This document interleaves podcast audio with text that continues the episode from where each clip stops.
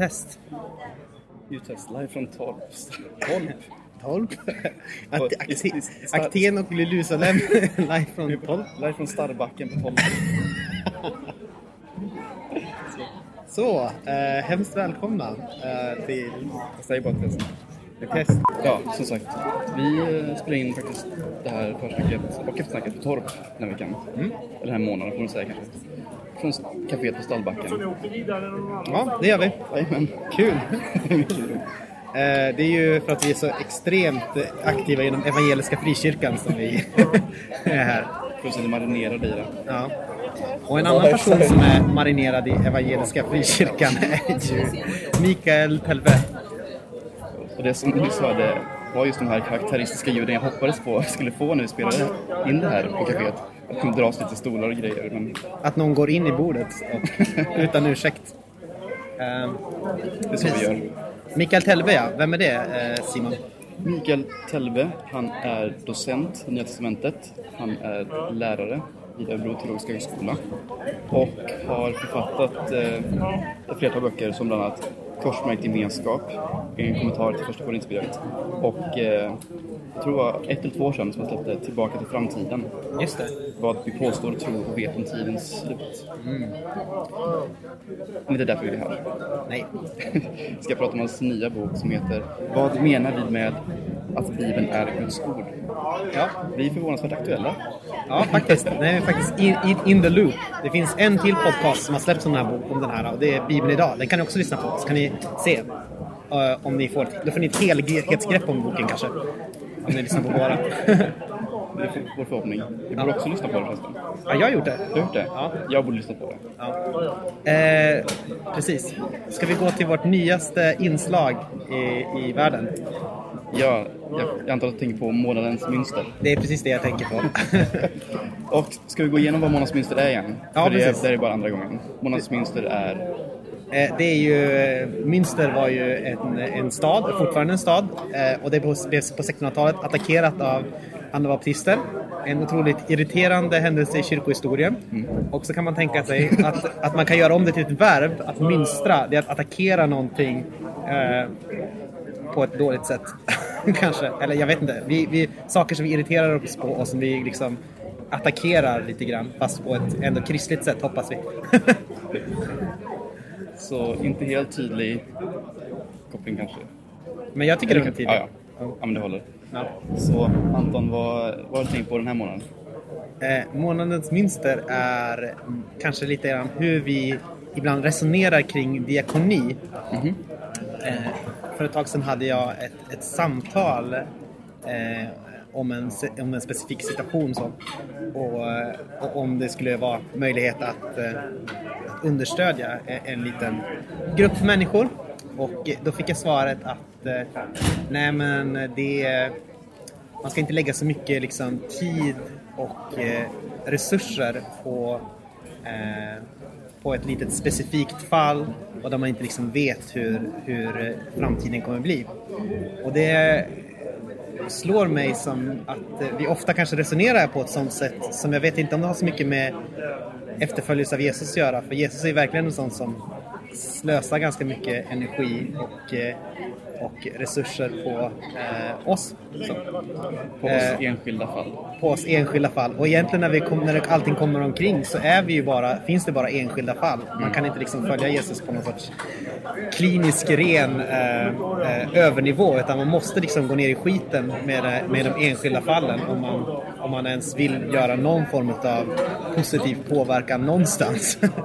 och det tänker jag ju att det visar ju också Jesus att när Jesus inkar, eller när ordet inkarneras så är det inte som eh, som någon sorts, eh, alltså det är ingen sorts svävande princip som åker omkring och försöker fixa saker utan liksom går ner i skiten bland väldigt enskilda fall i ett väldigt enskilt område som heter Galileen. Typ så.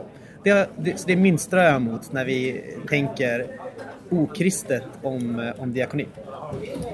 Vad minstrar du på Simon? Det är en mycket bra fråga Anton. För eh, jag vet inte ifall jag är lat eller likgiltig eller båda. Men jag har inte hittat något bra att mönstra över den månaden. Så Nej. låt, så, låt mig, I think you have. nej, men så låt mig föreslå Ja. att det här kan vara något du kan mönstra över nästa månad. Ja. Över hur jag i två chanser nu har missat att mönstra med de här podcasten. Vi får helt enkelt, ni får skicka, ni får skicka en liten, eh, en liten upp, eh, uppsträckning till Simon på hans mail simon.co.axelsson.gmail.com Korrekt. Snyggt kunde Ja. Ja, ja men gärna. Eh, skicka, skicka brev till mig. Det är alltid kul. Precis. Gärna personliga. Yes. Men, men då ska vi övergå nu till själva intervjun. Ja. Mikael Tellberg. Åh, vänta, vi måste säga till det här också. Ja, Okej, vi ja. fortsätter spela in. Ja. Eh, dagens jingel eh, tillägnas eh, Johan Bruneskog som har föreslagit att vi ska ha mer koskälla.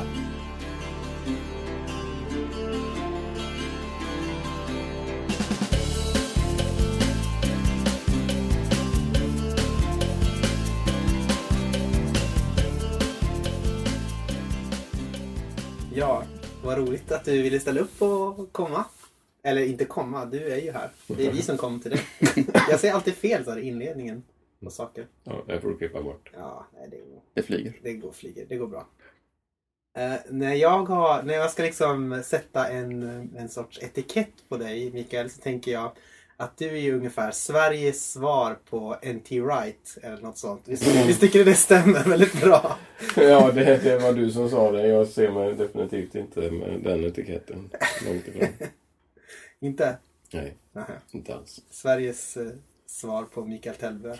Ja, men, ja nej, men det går inte att tänka sådär. Det- Speciellt inte när man har träffat... Jag har ju lärt känna Antti Wright lite grann i olika sammanhang och sådär. Han är fantastisk eh, teolog så att det...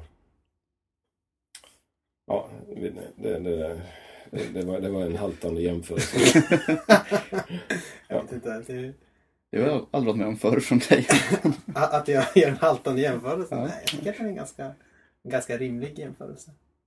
Man, sen får man ju ta in lite olika saker i det är olika stora länder och sådär. Mm. Men båda skriver populärt och akademiskt. Båda är liksom eh, välkända teologer i sitt sammanhang. En är kanske lite mer välkänd än den andra, men ändå. Så. Jag vet inte. Jag tycker ändå att det finns en sorts eh, Viss likhet Pa- som parallell- haltar. parallell, parallell, parallellhet i det här. Ja, jag får ta det som ett smicker. Tack. Ta, tar emot det som ett smycke. Vi bara värmer upp dig Ja, absolut. Ja, inför de tuffa, hårda frågorna eller vad det nu ska vara. Ja, så. Eh, vi har ju hört, eh, eller vi har ju läst mycket av teologen Mikael Tebbe. Men vi har kanske inte hört så mycket från orni, ornitologen eh, Mikael Tebbe. Eh, eller jag har inte gjort det i alla fall. Så du är ju en fågelskådare har jag förstått. Mm. Varför är det kul att kika på fåglar och eh, vad är dina fem bästa fågelskådartips? Åh. Ja, det kan vi lätt få tid att gå med. Men, eh, men jag, eh, mitt stora livsval var ju faktiskt mellan eh, biologi och teologi. Mm. Eh, och jag var faktiskt på gång att läsa biologi. Jag var väldigt intresserad av eh, framförallt flyttfågelforskning eh, som eh, 20, 21, 22-åring. Jag hade jobbat under tre år. Inte heltid men deltid som ringmärkare på Ottenby fågelstation. På Öland, Sö- Ölands. Och, och var, var väldigt inne, jag var innördad i det där. men eh, ja, sen hände det saker i ens liv. Eh, jag, jag eh, som gjorde att jag började tänka om och sådär. Och så, och så tänkte jag att jag testar att läsa teologi. Och så nördade jag in mig på det där istället. Så, så men fågelskådning har ju varit en del av mitt liv ända från tonåren. Mm, men nu är det mer eh, sån där saker jag sysslar med för att koppla av. Ett av mina heliga rum för att liksom göra någonting annat. Fem bästa fågelskådartips. Börja där du är. Eh, Säga, börja med det enkla fåglarna. Börja skåda fågel i början på året när det inte är så mycket olika fåglar och lär dig fågelsången på de fåglarna runt knuten. Alltså. Att bli en duktig fågelskådare när det gäller att känna igen läten och sådär handlar ju om att kunna eh, ta bort de lätena som jag har lärt mig och fokusera på de nya lätena. Och sen, liksom, sen kan det vara en hel tjock kör utav fågelläten. om Du känner igen bara ett litet lockläte i det där som, som man, liksom, man kan urskilja från 25 andra som sjunger samtidigt. Så det, så det är ett sätt att lära sig att lyssna. Men det är väldigt fascinerande fågelvärlden i stort. Jag konstaterade i morse tillsammans i ett samtal att maj har varit den sämsta fågelmånaden på flera år. Det har varit för kallt och för blåsigt och eh, gör att det har varit jättetufft för många fågelarter att mm. få ut tillräckligt med ungar. Tyvärr. Jag har hört det, att det är, det är den sämsta maj på många olika sätt. Ja, nej men det är ju det. Och, och det påverkar ju fåglarna. Till exempel blåmes, talgoxe som... Blåmesen är ju fantastisk eh, liten fågel som eh, kläcker sina ungar i fas med en viss larv. Eh, har sitt klimax. Det vill säga den måste alltså räkna ut en, två veckor innan när ungarna ska värpas för att kläckas. Jag tror den ligger på eh, äggen knappt två veckor. Och då ska födotillgången vara som bäst. Men med ett sånt här väder så är ju det dålig födotillgång överhuvudtaget. Kylan påverkar ju inte minst insektslivet. Ja, det, det får väl kanske räcka om fågelskådningen. Men det är en sorts eh, kontextuell fågelskådningsideologi som du förespråkar ändå? Eller bundet till lokala sammanhang? Ja, absolut. Det, det, det börjar där absolut. Det kan man säga. Dessa jämförelser. Ja, ja det kan man säga. Absolut. Mm. Det är det som Vissa jämförelser. lyssnarna älskar. ja. Kanske. Eh, du har ju eh, skrivit en bok som vi ska prata om som heter Vad menar vi med att Bibeln är Guds ord? Eh, så då kanske en bra inledande fråga är vad menar vi när vi säger att Bibeln är Guds ord? Om du skulle förklara det lite kort, vad skulle du säga då? Ja, det är en fråga som jag väcker som jag tycker att eh, vi kanske borde mm, reflektera lite mer om generellt. Vissa har tänkt igenom den här frågan men man ser till kristna i största allmänhet i församlingar och så där så är ju min erfarenhet att man inte är så väldigt reflekterad över det påståendet. Ja, nu ska vi läsa från Guds ord. Jag tror att Bibeln är Guds ord. Ja, vad menar du med det? Eh, vad betyder det i synen på hur texter har kommit till? Och vad är relationen mellan gudomligt och mänskligt? Hur talar då Gud i den här texten? Får det finnas fel i i Bibeln om det är Guds ord. Alltså det finns en mängd sådana här frågeställningar. Eh, hur blev Bibeln Bibel? Eh, och, och eh, jag, jag, tycker att det finns ett behov av att reflektera över de här frågorna. Så det, det, det är ju en av anledningarna till att jag skrev den här boken. Den som läser den här boken kommer ganska snart att se att jag egentligen har flera olika människor framför mig som jag skriver till. Jag skriver dels till den som vill ha hjälp och orientera sig och brottas med de här frågorna. Jag skriver också till den som är initierad och har en viss uppfattning som jag kanske vill eh, utmana eller eh, ifrågasätta. Så att, eh, men, men jag, jag eh, den här boken eh, eh, syftar att ta tag i, i, i den frågan och eh, för mig, eh, när jag säger att Bibeln är Guds ord så, så eh, innehåller det ett påstående som innebär att Bibeln har talat genom människor i historien och det, Bibeln innehåller både gudomligt och mänskligt i någon slags blandning och detta tillsammans är en text som Gud talar genom. Egentligen så kanske det här påståendet att Bibeln är Guds ord inte säger så mycket om Bibeln i sig så mycket som det säger om mig som säger det. Därför det, det ger ju ändå ett uttryck för hur jag uppfattar mitt förhållande till Bibeln.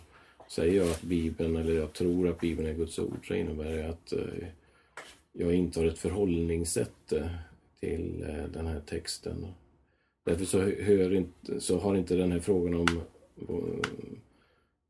vad menar vi med att Bibeln är Guds ord? Bara, det är inte bara en teoretisk definitionsfråga för mig utan det är i allra högsta grad en, en ehm, bruksfråga, alltså en bibelbruksfråga. Hur jag läser Bibeln och hur jag lever med Bibeln. Vi kan ju säga hur mycket som helst att Bibeln är Guds ord men betyder det inte någonting i mitt, mitt förhållningssätt, i min attityd till den här texten så, så är det bara en tom bekännelse. Mm. I, I, boken, eh, om vi ändå går in på det lite mer teoretiska kanske, första Mm. delen. Mm. Så görs det en skillnad mellan eh, historisk kritisk metod och eh, historisk grammatisk eh, metod. Mm. Vad betyder de här bindestreckade orden och eh, spelar det någon roll?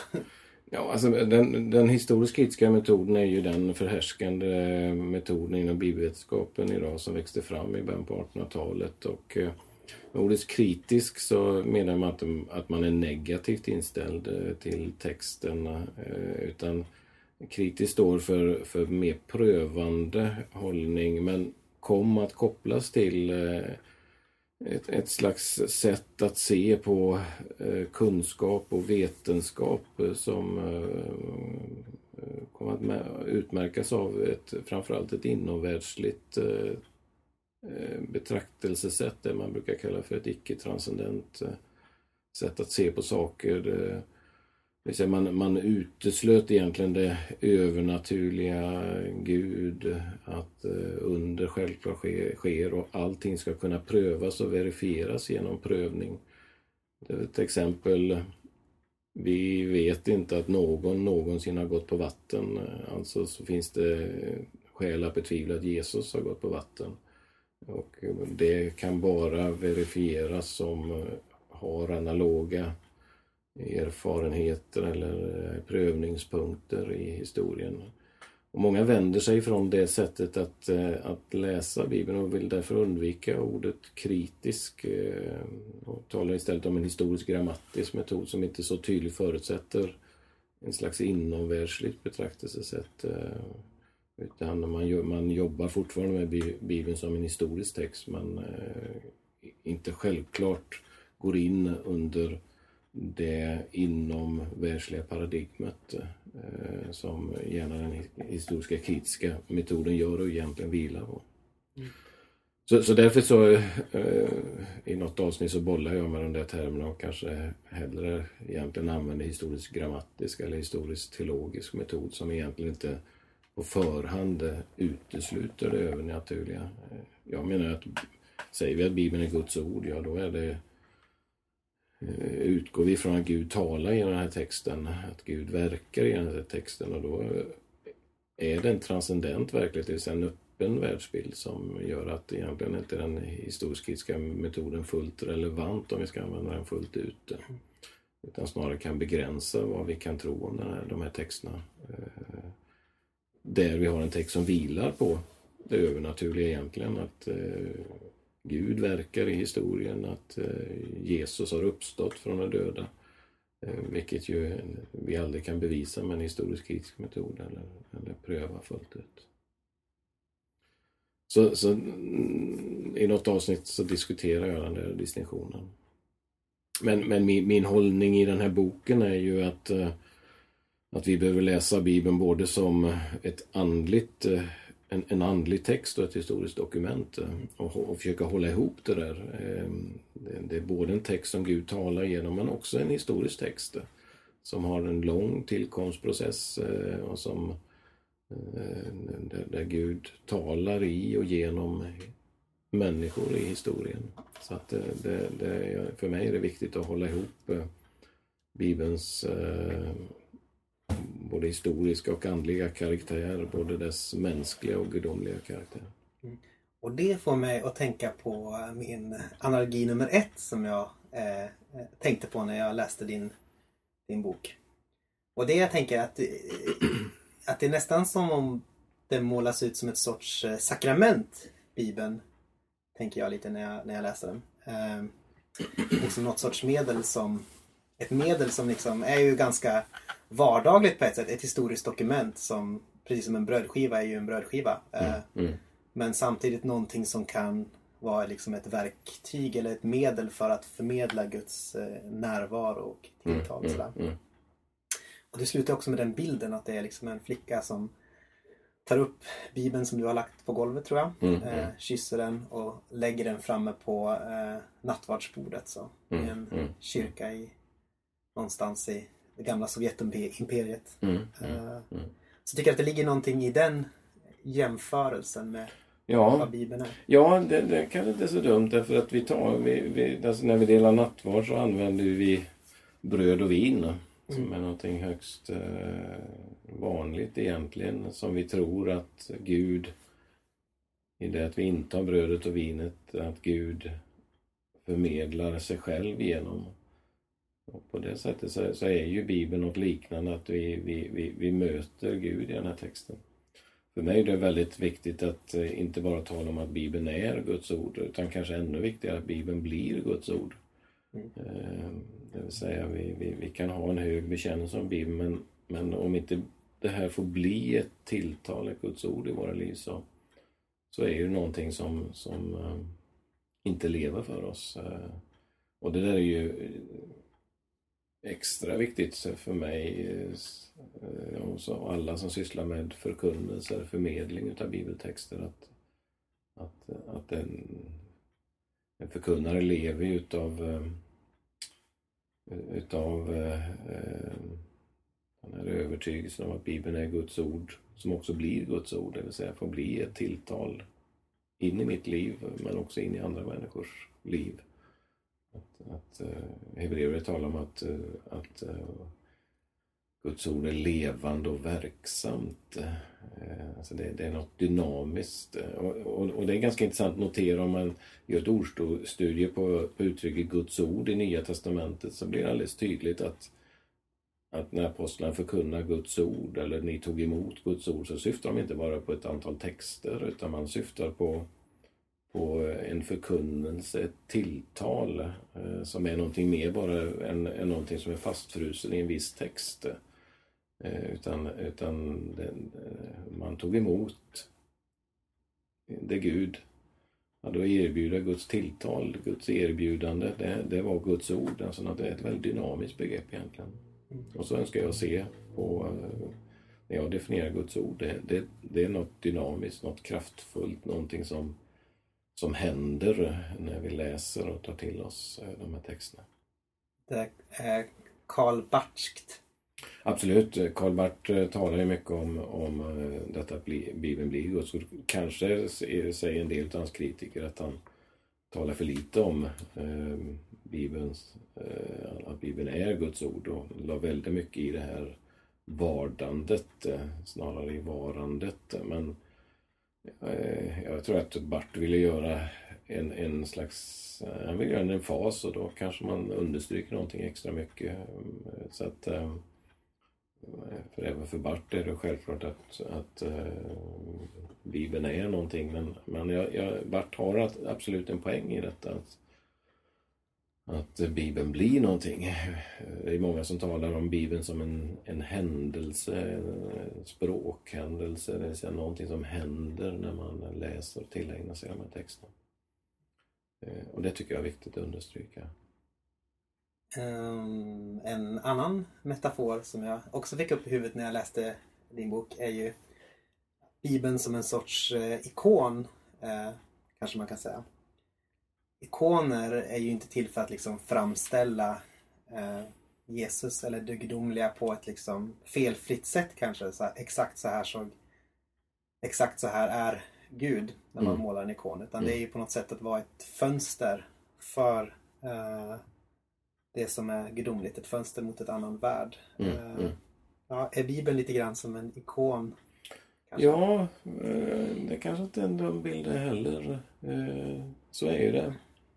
Eh, Nu är vi inte vi i vår tradition så väl bekanta med ikoner och ikoners betydelse men, Nej, men eh, eh, absolut skulle jag kunna tänka mig det därför att ikonen är ju inte någonting som, som tillbes och dyrkas i sig självt utan snarare är någon slags förmedlare av Guds närvaro eller en agent för någonting. Så att det är, det är, det är ingen dum bild. På vilket sätt relaterar Jesus som Guds ord till Bibeln som Guds ord? Ja, det är ju det intressanta tycker jag att, eh, att man börjar tala om Jesus som ordet logos. Logos-konceptet är ju ganska eh, svårhanterligt egentligen. Det, det ryms så mycket i det där. Judarna kunde tala om, om ordet som någon slags eh, medlande gestalt mellan Gud och människa, visheten. Men så men även eh, stoiker samtida med eh, de första kristna talar om logos-begreppet som någon slags nästan skapande begrepp av tillvaron. Så, så det blir väldigt eh, eh, kommunikativt begrepp när man börjar tala om Jesus som logos, ordet både mot en judisk och en hellenistisk eh, miljö. miljö. Vare sig man vänder sig till Jerusalem eller Aten. eh, så att eh, det där är oerhört eh, bra kommunikativt begrepp. Samtidigt så, så är det väldigt intressant om man reflekterar över att Jesus är ordet vi talar ju om Bibeln gärna som ordet, eh, som Guds ord. Och Jesus är Guds ord. Eh, framförallt så understryker det för mig att eh,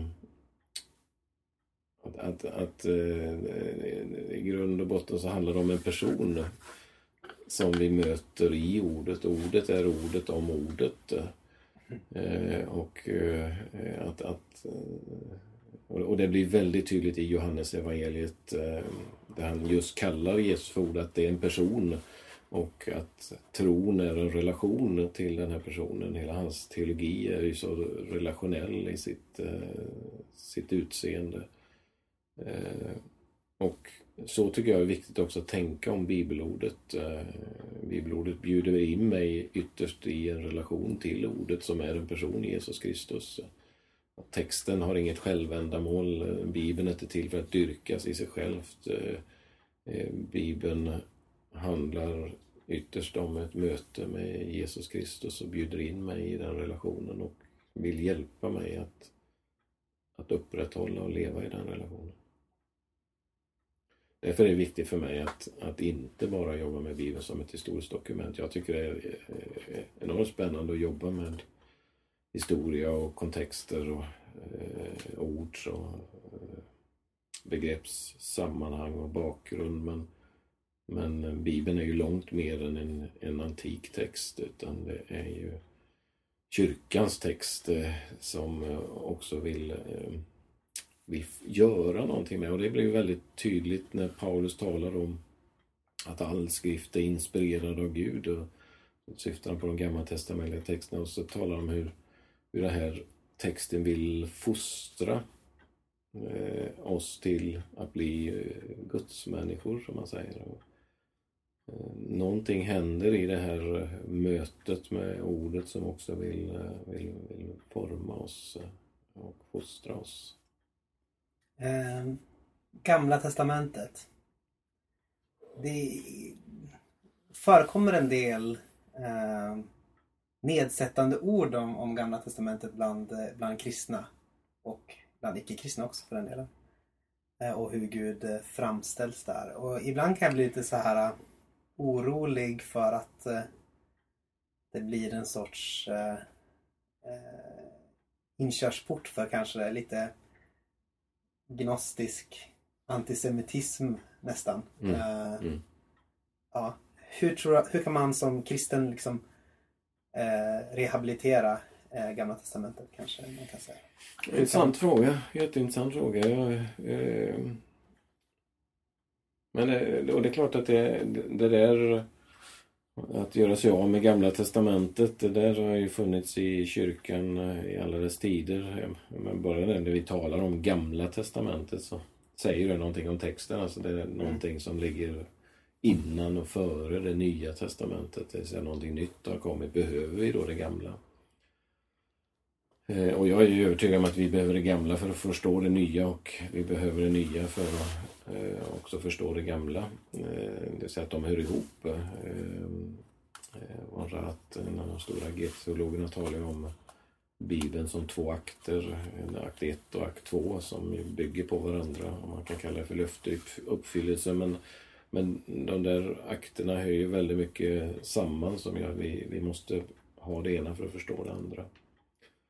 Sen är ju anledningen till att, jag menar, att det finns tendens att göra sig av med Gamla Testamentet har att göra med eh, att det kan vara bitvis svår och ganska träig text. Eh, det kan också ha att göra med att man upplever Gamla Testamentet som väldigt våldsamt eller man har svårt att förena Gamla Testamentets gudsbild med Nya Testamentets gudsbild. Eh, och eh, jag, jag, jag, jag möter regelbundet bibelläsare som har väldigt svårt att läsa vissa delar av Gamla Testamentet. Eh, jag, jag, brukar säga att, att vi behöver Gamla Testamentet eh, för, eh, inte bara som en bakgrund till Nya Testamentet, men överhuvudtaget att förstå eh, vilken värld vi lever i och det sammanhang vi lever i. Här Skapelsens början, inte minst Gud som skapar och Gud som handlar i historien och att det finns en beskrivning av livet och umgänge med Gud som hjälper oss att förstå livet i allra högsta grad och som hjälper oss också att förstå varför Eh, vi behöver Jesus Kristus.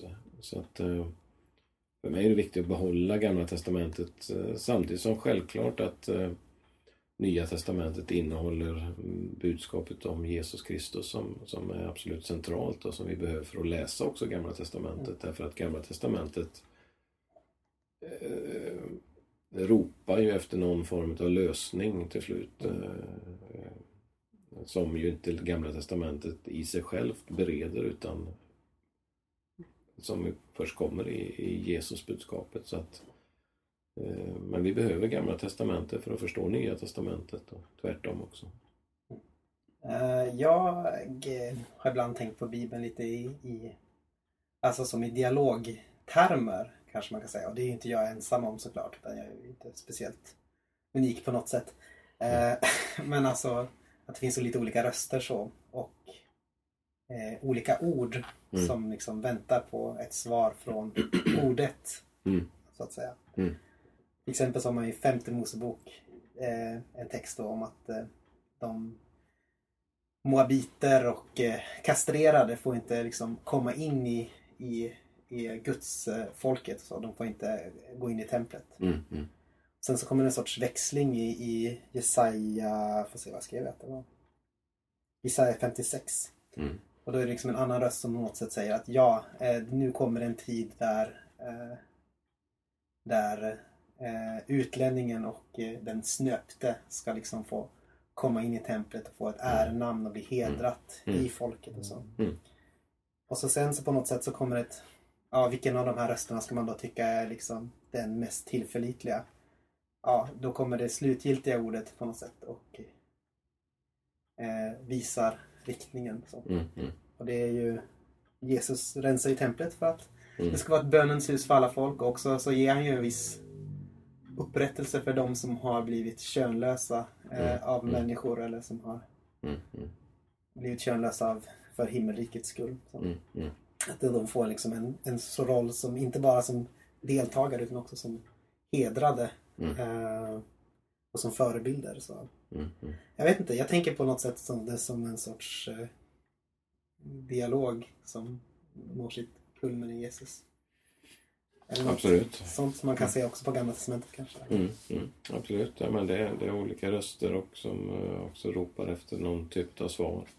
Det talar ju om eh, en typ av progressiv uppenbarelse. Eh, det kan man beskriva på lite olika sätt men eh, för mig är det svårt att undvika att det är någon form av progression i förståelsen av Gud och, och livet och som når sitt klimax, alltså någonting händer. Därför så är det viktigt att när man talar om, om gudsbild och sådär att låta den gudsbilden få formas av Jesus Kristus. Han, han, eh, Johannes gör ju anspråk på att eh, Ingen har någonsin sett Gud, men den enda sonen själv, Gud, har gjort exegetik på Gud, som det egentligen står i den grekiska texten, exegeo, det vill säga Jesus utlägger, förklarar, tolkar, eh, i viss mening även tillämpar Gud. Det vill säga han visar vem Gud är, eller som Luther talar om att Gud får ett ansikte i Jesus. Och det, eh, ser vi Gud på ryggen i Gamla Testamentet så, så möter vi Gud framifrån eh, i Jesus Kristus. Och då kan man tala om en, en typ av eh, progression i förståelse av Gud. Eh, och det, Jesus gör ju upp också med en del av eh, missuppfattningen om Gud. Eh, eh, hela bergspredikan är ju en slags eh, eh fördjupning av förståelsen av livet med Gud men också eh, av bilden av Gud. Eh, när han talar om, ni har hört att det har sagt öga för öga, tand för tand. Det vill säga att, att möta våld med våld. Så vänder han på det och, och skapar något nytt. Och det är klart att det gör någonting också med eh, våldstexterna i Gamla Testamentet och hur vi förstår dem. Eh, eller de salta salmer där människor eh, önskas förgöras och så vidare. Eh, där Jesus gör någonting med, med eh, många av texterna i Gamla Testamentet. Samtidigt som jag tycker att ja, men det, det bra att de där texterna finns i Gamla Testamentet. Det är bra att de där bönerna om att Gud ska förgöra den och den finns därför att de är så ytterst mänskliga.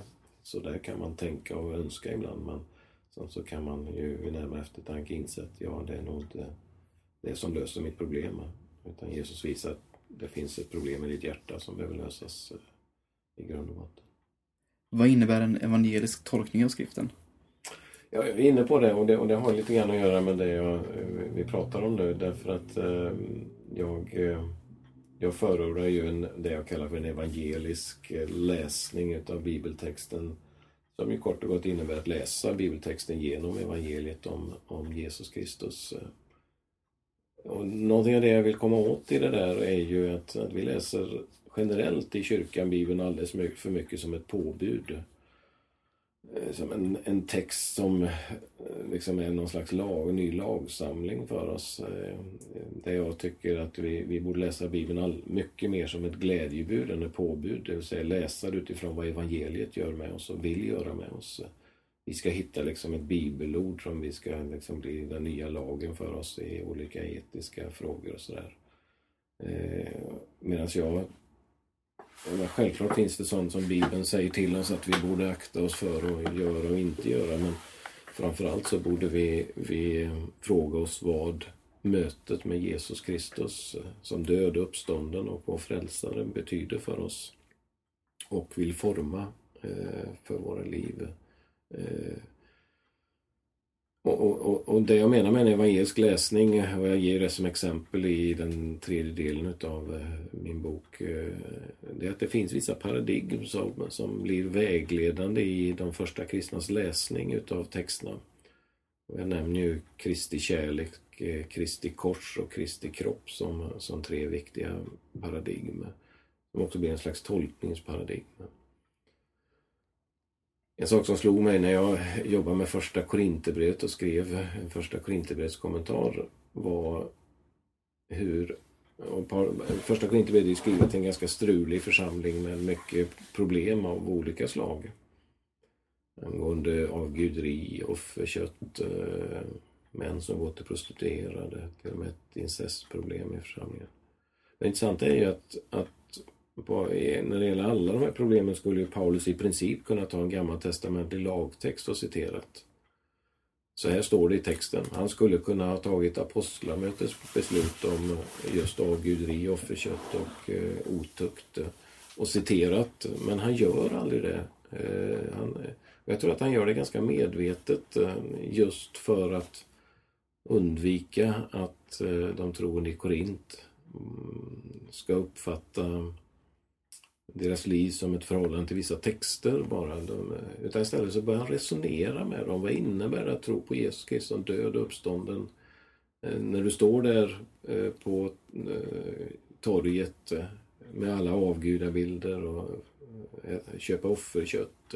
När du står där utanför bordellen och så vidare. Han, han tar dem med och vill forma deras tänkande, inte bara Eh, referera till en massa texter som de ska förhålla sig till. Utan det är väldigt tydligt att han resonerar med dem och vill forma ett Kristustänk för en mängd moraliska och etiska frågor. Och det är det jag menar med en evangelisk läsning. Vi, vi, vi, vi, vi behöver egentligen läsa Bibeln mer som ett glädjebud än som ett påbud. Det vill säga, vad gör evangeliet om Jesus Kristus med våra liv? Ja, det vill förvandla vårt vårt tänkande, ja framförallt sätta oss i en större berättelse med våra liv om hur Gud har skapat och är på väg att rädda världen och hur vi blir en del utav detta. Eh, och dras in i, i det Gud har börjat eh, med Jesus Kristus. Så, så, eh, och jag använder ordet evangelisk kanske lite också i, i, för att undvika ordet evangelikal. Jag tycker inte att ordet evangelikal löser allting när vi talar om, framförallt när vi talar om bibeltolkning. Det kan ge och sätta oss i en viss tradition i förståelsen utav, utav vår, vår bibelsyn och sådär. Men, men när det kommer till eh, bibeltolkningens till resultat eh, så, så hjälper inte ordet evangelikal utan jag söker ett ord som förenar kristna, vare sig man är katolik, lutheran eller evangelikal. Alltså någonting tillsammans som präglar vår bibelläsning som inte bara handlar om att man är evangelikal kristen eller inte. Utan då tycker jag ordet evangelisk egentligen är mycket bättre. Det är ett ord också som till exempel Karl Barth använder sig utav eh, för att, få, för att ha en liksom bredare, ja vad evangelisk bibelläsning, ja det är en, en bibelläsning där Kristus står i centrum och eh, och formar också vår, vår läsning av texten. Men eh, eh, jag har ju en fråga där. Är mm. inte en evangelisk läsning som du presenterade också en ganska luthersk läsning på ett sätt? Med en sorts eh, dikotomi mellan lag och nåd eller eh, ja, vad ser du? Glädjebud och eh, lagbud? Ja, det kan man säga. Eh, och Luther börjar ju använda ordet evangelisk, eh, absolut. Man talar ju om den evangeliska lutherska kyrkan. Så att, men men jag, vill, jag vill hävda att ordet evangelisk i grund och botten är någonting betydligt eh, större än en, en viss kyrkotradition. Det, det handlar om mm. evangeliet om Jesus Kristus, alltså glädjebud om Jesus Kristus. Och, och, och visst finns det en viss eh, dikotomi eller det, det, finns en viss spänning mellan lag och evangelium. Jag tror ju Luther har rätt där. Eh, problemet är ju när man driver det för mycket och driver det rakt igenom som till exempel att, att hela judendomen står för lagen och kristendomen står för nåden. Eh, vilket jag inte eh, håller med om. Men, men visst finns det en viss spänning. Ja, och, och, men för mig handlar inte det riktigt heller bara om eh, alltså en spänning mellan gamla och nya testamentet. Mm. Utan det finns ju även ett glädjebud i gammaltestamentliga texter om vad Gud gör. Eh, eh, och det finns... Eh, utan det är mer en slags förhållningssätt, förståelse av texten i stort. Där, där, där, där, där skriftens centrum är, trots allt är Jesus Kristus. Och att vi måste se det. Man kan ju fundera på till exempel bergspredikan. Glädjebud eller lagbud? Ja, det är en jättebra fråga. Eh, eh, och eh, jag ser ju eh, bergspredikan nog mer som egentligen glädjebud. Och det kan man läsa bergspredikan, med. Luther läste ju bergspredikan som Kristusdrivande. Att att då, då blir det någon slags nästan lag att det ska driva mig till att se att jag behöver Kristus. Eh, men bergspredikan är nog mer för mig att det inte beskriver villkoren för att följa Jesus utan snarare resultatet av att följa Jesus. Det beskriver inte villkoren för att träda in i Guds rike utan snarare om vad som händer när Guds rike träder in hos oss. Eh, det vill säga, detta är vad vi är på väg emot och eh, detta är när Gudsriket får sitt fulla herravälde i människors liv, då, då är, ser vi bergspredikan på något sätt. Så för mig är inte bergspredikan en lag, definitivt inte, utan, utan återigen ett yttersta glädjebud. Det är ju till för att befria mig eh, eh, och, och göra någonting med mig som ska leda mig till frihet. Och, det, och det, så uppfattar jag Jesu ord när han säger, ni har hört att det sagt, men jag säger det. Det vill säga, han, han är ju ute efter någon slags eh, lagmentalitet. Ni har hört det sagt att du ska inte dräpa. Men det finns ju risk att jag läser det och säger nej men jag har inte dräpt någon. Alltså jag står på rätt sida om lagen. Men då säger Jesus ja, men om du har någonting emot din broder. Och så liksom drar han tillbaka det där som gör att jag inte kan ha min identitet i att jag faktiskt inte är någon dräpare. Utan han drar det tillbaka. Så vad händer i mitt hjärta? Hur ser mitt hjärta ut? Eh, och det är, ingen, det är inte i första hand en lag utan det är någonting som ska befria oss till att se någonting. Sen kan man naturligtvis känna att det här, det här klarar jag inte. Och då tror jag den här texten även får vara Kristusdrivande. Men eh, jag, jag, vill inte beskriva bergspredikan i första hand som ett påbud utan som ett glädjebud, även det. Hur, hur ser det praktiskt ut i ditt liv att, att ställa dig under ordet? Ja, jag talar ju om, om det där i min andra del av boken. Där jag talar om vad innebär det att läsa Bibeln som Guds ord. Och jag säger att jag, har, jag, jag formulerar mig i, i, tre påståenden. Att läsa Bibeln som Guds ord är att ställa sig i Guds berättelse. Att läsa Bibeln som Guds ord är att ställa sig under Kristi herravälde. Att läsa Guds ord för det tredje är att ställa sig inom hörhåll för anden. Att ställa sig eh, under Guds ord, jag, jag citerar ju en, en eh, professor i spiritualitet, eh, Jim Houston, som jag lärde känna på 90-talet i Kanada, Region College. Där han i ett samtal sa helt krasst In order to understand the word you must stand under the word. Jag tycker det fångar väldigt bra vår attityd till den här texten, att ställa sig under ordet. När jag analyserar eh, bibelord bara som en text finns ju risk att jag hänger över ordet. Eh, att ordet blir ett objekt för mig och eh, vi behöver hitta den här eh, attityden till ordet där ordet får vara ett subjekt, får tala till mig och att eh, jag också i ödmjukhet eh, lyssnar till det här. Och det, det är en slags förhållningssätt som jag behöver påminna mig själv om. Jag studerar ju bibeltexter men jag behöver också be bibeltexter. Att studera en bibeltext är inte detsamma som att be en bibeltext. Men det handlar mycket om min attityd till texten. Att, eh, hur närmar jag mig den här texten?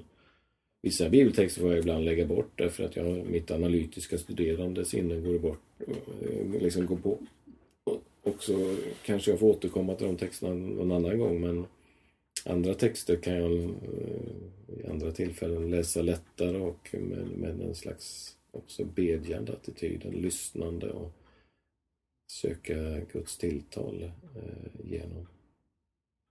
En sak som jag driver i den här boken och som är viktig för mig det är ju att bibelläsning inte bara är ett individualistiskt privat fenomen utan också någonting som vi gör tillsammans som grupp husgruppen som eh, jag är med hjälper mig att eh, lyssna till texter, att be texter tillsammans, eh, att höra andras möten med texter tillsammans som också hjälper mig att förhålla mig på ett sunt sätt till Bibeln som Guds levande ord. Mm, vad skulle, vad skulle du säga till någon som jag skulle säga att Bibeln har ungefär lika stor betydelse som transdrömmar eller mindre för tron? Ehm, hur kan man upptäcka skönheten och glädjen i att läsa Bibeln? Ja... Eh, jag uppfattar nog inte riktigt din fråga där med att, vadå, att Bibeln är som eh, en poetisk text eller med Tranströmer-liknelsen? Så Bibeln är ungefär samma, har samma värde eller auktoritet okay, ja, ja, som, som, som att läsa ja, Tranströmer ja, kanske? Ja. Tranströmer är ingen mm, dålig parallell därför Tranströmer är ju en aktad poet som många man upplever eh, hans texter som levande och sådär. Men, men det är klart att Bibeln gör ju anspråk på att vara någonting mer än, än eh, en bok bland andra. Och det är det vi lägger i eh, påståendet att Bibeln är Guds ord, att, att det, det är för mer än andra texter. Ja, ja, ja vilket generellt råd jag, jag skulle ge. Det, det beror på vem jag talar till, hur länge personen har varit en kristen, eh, om han eller hon är en kristen och så vidare. Jag pratade med en person i veckan som jag lärde känna efter en gudstjänst eh, som inte är en kristen men som söker kristen gemenskap. Och, och till honom sa jag att Gå hem och läs de första fem kapitlen i Johannes evangeliet så möts vi om en vecka och så pratar vi om det där. Eh, det är en text som eh, sätter eh, Jesus väldigt tydligt i centrum, relationen till Jesus. Det är en annan kanske jag skulle säga, gå hem och läs saltartexten och låt de bönerna bli dina egna böner. Och så vidare. Så att jag, jag, jag tycker det är viktigt med den här attityden att ställa sig under ordet eh, som vi pratade om, eh, det vill säga att eh, att läsa Bibeln som Guds ord är ju en attitydfråga. Det är inte bara att läsa en text utan att läsa kanske en text, korta avsnitt och lyssna till de där texterna. Läs evangelierna och läs en berättelse i taget och lyssna till den där berättelsen. Läs den flera gånger och så vidare. Eh, Be den där texten eh, för dig själv och med andra. Du eh, tar ju upp en väldigt känslig, eller infekterad fråga i, i, mot, framåt slutet på din bok. Och det är ju den om, om homosexualitet. Då. Eh, det, det, finns ju många som kanske skulle säga någonting sånt här. Nu citerar jag en låtsas citat här. eh, varför, varför ska du förbjuda liksom homosexualitet? Eh, och varför fortsätter du att äta skaldjur och ha på dig liksom kläder av blandat material? Din selektive dumsnut. Mm, mm. Eh, vad, vad, vad, är, varför är det någon skillnad mellan, mellan de olika sakerna? Till exempel skaldjur och, eh, och, och eh, homosexualitet. Eller är det någon sån? Ja, jag, för det första så tar jag ju medvetet upp den frågan därför att eh, det är en fråga som diskuteras i många sammanhang. Och, eh, eh, I min sista del av boken så tar jag ju upp både frågan om våld i Gamla Testamentet, om synen på kvinnan i Nya Testamentet och så avslutar jag med det här med homosexualitetsfrågan. Mycket just för att jag vet att det är frågor som många brottas med och, och eh, vi behöver förhålla oss till. Eh, och, och, det är ju en del som ser på eh, homosexualitetstexterna i Nya Testamentet ungefär som på de här skaldjurstexterna, det vill säga det är lagtexter som vi kan lämna bakom oss eh, eh, och eh, som är uttryck för en, en eh, föråldrad förståelse utav formad av en viss kultur och så vidare. Och jag diskuterar det med homosexualitetsfrågan och, och, säger att det är ju egentligen inte jättemånga texter i Nya Testamentet som överhuvudtaget handlar om homosexualitetsfrågan. Och två utav dem kan ju man mer eller mindre behandla som en skaldjursfråga om vi nu tar din, eh, din liknelse där. Därför att de finns i, i tredje Mosebok bland eh, sexualitets och renhetsregler och det, det är inte många av dem som vi följer idag. Eh, så att jag tycker egentligen inte att de texterna i tredje Moseboken om homosexualitet kanske väger sådär jättetungt i diskussionen. Det finns ju tre texter i Nya Testamentet eh, varav en text är lite mer detaljerad eh, i Romarbrevet 1. Och, och jag nämner ju det i boken att jag kan inte komma ifrån att Paulus tycks utgå ifrån att, att när han tänker skapa skapelsen så tänker han att Gud skapar man och kvinna för sexuell gemenskap. Och eh, han för hela resonemanget utifrån det och det är det som också gör att jag väcker vissa frågor kring att, eh, att göra sig av med eh, de texterna allt för lätt. Det vill säga Paulus tycks utgå ifrån att, eh, att Gud har skapat man och kvinna eh, utifrån en viss förståelse av äktenskap. Eh, och tar det här exemplet med homosexualitet i Romarbrevet 1 när han ska förklara vad som är har gått fel i Guds skapelse. Egentligen så är ju inte det homosexualitet i sig han vill åt utan han vill ju tala om att människan eh, människans problem är en, en eh, förvrängd tillbedjan. Det vill säga att vi har, vi har bytt ut eh, det skapade, eller rättare sagt skaparen mot det skapade. Eh, och att det är det som är mänsklighetens problem. Och så tar han ett exempel. Om kvinnor har bytt ut män och ligger med kvinnor och vice versa. Eh, och, och, så homosexualitet är ingen större syn än andra för Paulus men han exemplifierar det att någonting har gått, gått sönder i Guds ursprungliga skapelseplan som jag läser honom. Eh, och, och det där måste vi förhålla oss till på något sätt. Eh, homosexualitetsfrågan är en, för mig en väldigt komplex fråga därför att det handlar ju inte om om Bibeln är för eller emot homosexualitet eh, enbart utan det är en mängd frågor vi ska förhålla oss till. Eh, till eh, homosexualitetsfrågan. För mig är det självklart att homosexuell, en homosexuell människa är välkommen till den kristna församlingen. Och, Eh, däremot är det inte lika självklart att kyrkan ska välsigna samkönade relationer. Eh, men min poäng med att ta upp de här frågorna är att vi behöver samtala om dem som en tolkande gemenskap. Eh, Eh, jag har en känsla av att vi liksom skjuter dem lite grann under mattan medan de borde fram på bordet och samtalas om och reflektera om. Nästa om tio år är det en ny fråga som ligger på bordet. Nu är det den här frågan som en het fråga och vi måste prata om den. Vad innebär det att tro på Jesus Kristus som död och uppstånden? Vad innebär det att Gud har skapat man och kvinna? Vad innebär det att Gud vill upprätta människor i Jesus Kristus? Och så vidare eh, för en sån här fråga också.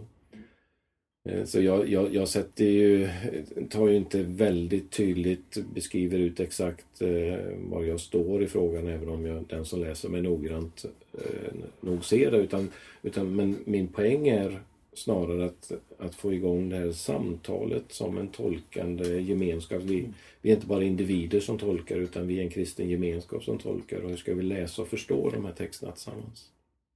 Och där skulle man ju, där ser jag ju lite inför min inre bild ibland att eh, det här kommer ju eh, splittra upp eh, kyrkan i Sverige i väldigt många olika schatteringar. Kanske inom en snar framtid, alltså kanske också organisatoriskt. Och kan man, hur kan man föra ett samtal mellan i den här frågan när det är liksom så det är så mycket känslor inblandat och det är så mm. Och hur kan man liksom göra det på ett sätt som inte relativiserar Bibeln heller, heller mm. utan liksom håller den högt. Mm. Går det? Och... Mm. Nej, men vi lever ju redan i en tid som, eh, där den här frågan splittrar kristna och delar ja. kristna. Och jag möter även på lokalnivå där, där frågan kanske har aktualiserats genom att en ledare i, i församlingen har kommit ut som homosexuell och, och, och liksom man tvingas att liksom brottas och ta ställning i den här frågan. Det enklaste vore egentligen att göra som katolska kyrkan och ha ett läroarbete. Så här står det och så här tror vi. Punkt. eh, samt som jag är tveksam till, eh, till den, eh, den förståelse av eh, den frågan. Utan jag tror att vi, och det är det jag vill förorda, även om det kanske är en svårare väg att gå, att vi behöver läsa och tolka tillsammans. Och där är ju den ut, stora utmaningen för en kristen gemenskap också att att kunna... Alltså, alltså här, här, här, kan jag tänka mig och, och, och, och, se att det också finns en mångfald i uppfattning. Alltså en församlingsledning måste naturligtvis stå för någonting. Men eh, vi, vi, måste kunna också respektera i svåra frågor att det också kan finnas lite olika uppfattningar. Eh, och det kommer ständigt vara nya frågor som dyker upp och sådär. Eh, jag tror att en församlingsledning behöver diskutera och, och förhålla sig och besluta vissa saker i de här frågorna. Men det behöver, behöver inte nödvändigtvis betyda att alla måste tycka detsamma eh, i frågan. Eh, och här, här, tror jag vi, här tror jag vi rent krasst får leva med och lära oss att respektera och älska varandra med olika uppfattningar. En sak som jag tycker är lite intressant också med den här eh, homosexualitetsfrågan. Det är när du pratar om, om kvinnliga ledare eller eh, kvinnor i församlingen. Mm. Eh, och där ser du ju som att Paulus argumenterar utifrån två olika paradigm. Alltså mm. skapelsen och mm. eh, Kristushändelsen. Mm. Eh, och att eh, skapelsen ligger kanske nära kulturen på ett sätt mm. kan man ju säga när mm. Paulus mm. pratar om det. Mm. Eh, det jag tycker är lite intressant är det är ju att när du att du för tillbaka homosexualitetsfrågan också på, eller Paulus för ju tillbaka den till skapelsen. Att den felaktiga tillbedjan har gjort någonting eh, med skapelsen. Eh, så min tanke är egentligen, skulle man inte kunna göra en liknande egentligen läsning som du gör på, på kvinno, kvinnotexterna? Eh, ja, du kanske kan förklara lite vad du, vad du, hur du läser Paulus där. Mm. Och ja, om det går att, och varför det eventuellt inte går att överföra på den här Ja, det, nej men det, det, det har nog mer att göra att, eh, att jag ser inte ett jättetydligt mönster av att eh, kvinnan ska underordna sig mannen baserat på skapelsetexter. Och jag ifrågasätter ju första Korinthierbrevet 11 eh, där Paulus väljer en, en, eh, att citera från den första Moseboken 2 när det gäller att få kvinnan underordna sig församlingen istället för första Moseboken 1 som man skulle kunna valt där Gud det står att det är inte bara mannen som Gud har skapat i Guds avbild utan man och kvinna faktiskt i första Mosebok 1, 26-28. Eh, eh, och eh, eh, för, för mig är frågan lite annorlunda därför jag tror inte det här med underordnandet ligger i skapelsen. Eh, däremot tror jag att eh, man och kvinna ligger i skapelsen. Men samtidigt kan jag ju tänka mig, eh, Paus tycks resonera att det här med att, att män ligger med män och kvinnor ligger med, min, med kvinnor är en del av någonting som har gått sönder i skapelsen. Och det är mycket annat som har gått sönder i skapelsen som jag kan acceptera som en del av skapelsen. Mm. Alltså vi, vi, vi lever ju med en mängd defekter, eh, eh sjukdomar och en massa saker i skapelsen som Ja, tänk om det har blivit så att, eh, att det här är ett uttryck för att någonting har gått sönder från det som var tänkt från början. Eh, och det gör ju, gör mig, mm, tycker, gör ju den här frågan ännu svårare. Mm. Men jag tycker att det finns en viss skillnad mellan kvinnotexten och homosexualitetsfrågan. Inte bara att dra det över en kam utan eh, det är Romarbrevet 1 eh, och hur Paulus läser den här frågan där som får mig att tveka lite grann vad det gäller att bara säga att det är en kulturell grej. Mm. Super! De två sista kanske? Mm. Hur ser en läsning och tolkning av Bibeln ut, eller av, av Bibeln som en gemensam församlingspraktik ut i en individualistisk tid? Ja, det är en bra fråga och jag väcker det för att jag tycker att bibelläsning och bara och gärna blir en privat grej. Det är det jag gör tillsammans. i min personliga andakt med Gud, vilket jag tycker att vi ska göra. Men, men vi behöver läsa texter tillsammans. Eh, och det där kan ju se väldigt olika ut men för mig är den lilla gruppen eh, enormt viktigt att vi läser texter tillsammans. Eh, lyssnar till varandra. Eh, I vår husgrupp genom åren så har vi läst massor med bibeltexter och det har betytt jättemycket för mig. Och speciellt mig eh, när jag jobbar med bibeltexter och får lyssna till människor som inte jobbar med bibeltexter, som inte är vana att läsa bibeltexter och deras reflektioner över bibeltexter. Sådana samtal tycker jag är enormt givande och har betytt jättemycket för mig. I vår husgrupp så kan vi Typ vi ska mötas ikväll och då läser vi Markus 7. Så långt har vi kommit. Det är ingen som nödvändigtvis har förberett sig för det samtalet, även om vi vet att vi ska läsa Markus 7. Det vill säga, just nu har vi inte så någon liksom, krav att alla måste ha förberett sig, utan vi läser Markus 7 och så börjar vi ett samtal kring texten. Och det, eh, det, det har varit ytterst sällan som inte det har blivit ett, fruktlö, eller ett fruktsamt samtal, utan någonting händer i den där mötet med bibeltexten och vi börjar reflektera över eh, dess betydelse och innebörd för oss och väcker frågor och går i dialog med texten. Men också hjälper varandra att läsa och förstå bibeltexter. Och det samtalet tror jag är enormt viktigt för kyrkan. Hur kan man skapa det? Jag, jag tror ju att eh, vi behöver skapa former som uppmuntrar det. Typ eh, Ehm, predikan på söndag, följ upp det i husgrupper i veckan. Predika det genom en bibeltext och läs bibeltexterna i veckan i mindre grupper. Så hitta den här kopplingen mellan söndag och vardag eh, med utifrån bibeltexterna. Och så, så har vi försökt jobba i många år i Philadelphia kyrkan och varit engagerat att, också, att lägga ut ett material till grupperna i veckan som man kan diskutera utifrån en viss bibeltext. Vi behöver skapa goda praktiker för att läsa bibeltext tillsammans. Nu har vi kommit fram till våra två sista standardfrågor som vi har. Okay. Och den första är Vem är Jesus Kristus? Och den andra är ifall du har förslag på gäster till podden.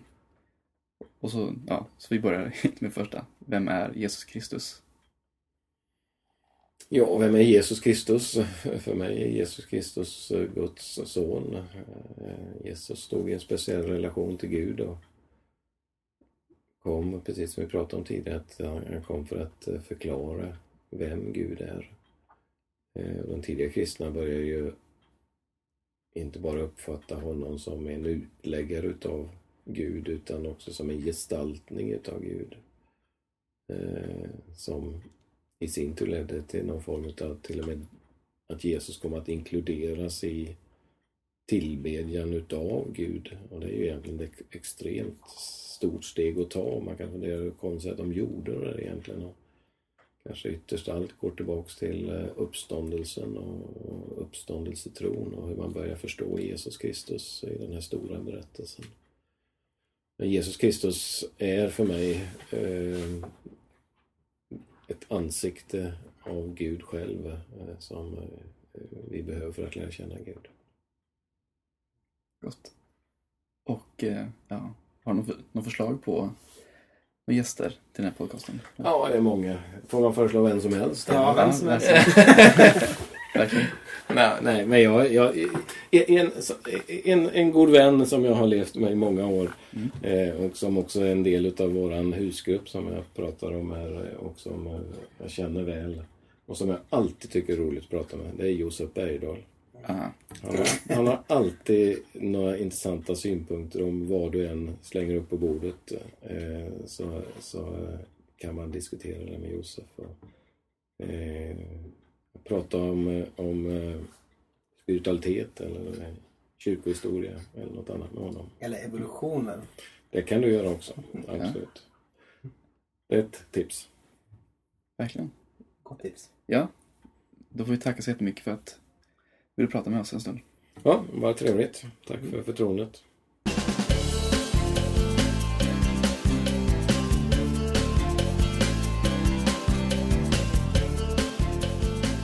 Sådär. Välkomna tillbaka. Eh, vi är fortsatt på torp och det slog mig att jag skulle kanske kunna försöka få in mitt månadens mönster här efter snacket. Jag har fått fundera lite. Vilket bra förslag. ja, vi testar. Det blir väldigt kort. Men jag tänkte på, i så fall, på en artikel som dök upp i Dagen för, det var en vecka sedan nu, nej lite mer, som, med rubrik, som skriven av, av Peter Halldorf med rubriken Tiden mogen för en kvinna att leda pingst. Jag kan läsa ingressen med. Det krävs fler och tydligare normbrott i svensk pingströrelse. Att välja en kvinna som efterträdare till Pelle Hörnmark vore ett utmärkt sådant. Och sen, ja, det är det han skriver om. Och det jag kan störa mig på där, det är bland kommentarerna den här ryggradsreflexen att då alltid kommer man då med fraser som var inte normbrytande för normbrytandets skull eller våga, våga Vägra. Våga vägra, jag vet inte. Våga bibeltroende, jag vet inte vad. Och, men eh, så det, det är mitt lilla mönster, att jag, att jag irriterar mig på att man utgår från att, eh, att det verkar vara helt självklart från att det alltid varit en fråga om kallelse och kompetens varje gång som man har valt en jämnårig man som sin ledare. Och, det är problem både inom pingst och EFK. Det är ett eh, allmänt förekommande problem. Verkligen. Ja. Så det var mitt lilla, lilla mönster. Utan en väg framåt. Så, men nu kan vi prata om eh, det här samtalet då som vi har haft med Mikael Tellbe. Ja, precis. Vad har du för tankar Anton? Ja, jag, jag, jag funderade lite grann på det att eh, Alltså han är ganska konstruktiv Mikael Tellbe när han, när han beskriver eh, när han beskriver sin syn på Bibeln. Alltså han ger liksom förslag på hur man kan förstå Bibeln som Guds ord. Mm. Och jag vet inte, för mig känns det ofta när det är sådana här diskussioner i till exempel amerikansk kontext ja. så blir det ofta väldigt mycket ställningskrig mellan typ eh, sådana här som säger att Bibeln är felfri i allt och eh, ska läsas som en eh, historiebok typ. Och de här som säger att nej, men så kan vi inte läsa den längre. Vi måste läsa den så här. Eh, vi måste se att det finns massor med, att den är mänsklig och så där också. Och då blir det som ett sorts, det är ingen som kommer med ett positivt förslag utan man liksom gräver ner sig i varsitt dike ofta. Eh, så det tycker jag är väldigt spännande med den här boken. Verkligen. Alltså jag känner igen mycket av den här frågan från, ända sedan jag började plugga teologi så har jag lite då och då fått eh, liksom den sortens frågor av vänner som handlat just om hur ska man se på Bibeln, hur ska jag förstå Bibeln? Och, och då inte- sällan har det varit för att man då har kikat på de här på den amerikanska sidan. Där man har bara sett de här två olika positionerna då. Som eh, dekonstruerar, eller egentligen bara ute efter att befästa positioner med ledningen väg framåt. Och kvar står man med, eh, jag vet inte, bara, det är alltid, alltid bra med nya frågor, tror jag verkligen. Men som du säger, det, is, När man Det- det är dekonstruerar så måste man också konstruera efteråt. Ja, snyggt. Nej, för att eh, då, för då, hamnar man liksom i eh, den amerikanska kontexten och får liksom bara de frågorna och inte... Ja. Inte något som är relevant kanske för livet på ett sätt. Nej, men det är svårt eh, att... eh, Man, det blir, man får ingen helhetsbild. Och det är också ett litet hemligt mission statement som Aten och Jerusalem har som jag kanske kan avslöja. Att, eh, att på något sätt vara en teologisk röst för lite mera svenska frågor så att vi inte bara lyssnar på amerikaner och vad amerikaner tycker om olika saker. Snyggt. Ja. Eh, precis. Ja, och en sak som jag tänkte på som är lite av min eh, eh, pet peeve eh, så att säga. Det är också det här med, med lag och, eh, och nåd. Så. Det är en ganska luthersk uppdelning som vi har levt med väldigt länge i Sverige. Ja. Eh, och jag funderar lite grann på... Och den är, den är på något sätt, eh, kan man säga, kanaliseras också lite i boken när, när Mikael Tellberg pratar om eh, glädjebud och lagbud. Och jag är kanske inte rätta mannen att eh, debattera sånt här med, med, med, med Mikael Tellberg. Men jag tänker bara i en, i en judisk kontext eh, till exempel. Då, då ses ju inte Toran som liksom ett, ett krav utan någonting som man glädjer sig över. Alltså någonting som är lustfyllt på ett sätt att få. Eh, och så kan jag tänka mig att Jesus på ett sätt inte kanske avskaffar lagen utan mera är en fullkomning av Toran och också den som är liksom det kristna måttstocken är inte i första hand kanske orden eh, från, från Mose utan eh, Jesus som ett liv. Eh, kanske man, man kan se det så. Och det är det som liksom tas över i Paulus brev. Det är någonting som jag har funderat på i alla fall om det om man skulle kunna komma bort från den distinktionen för jag tror att den kanske den är lite problematisk. Jag, jag tror att den är problematisk men jag kan ju ha fel. Väldigt legalistisk kille den här uh, Anton alltså. Lite så. I den här kontexten kan det säkert ses som legalistiskt. Ja, antagligen. Och därför så är det ingen motsättning heller mellan typ bergspredikan och nåd, utan det är liksom ett och samma paket. Ja, kan jag tänka. Det är ett liv som befriar, som beskrivs. Hörde jag ett amen? Eh, Kanske ett litet halleluja där bortifrån. Här i Café Sorlet. ja.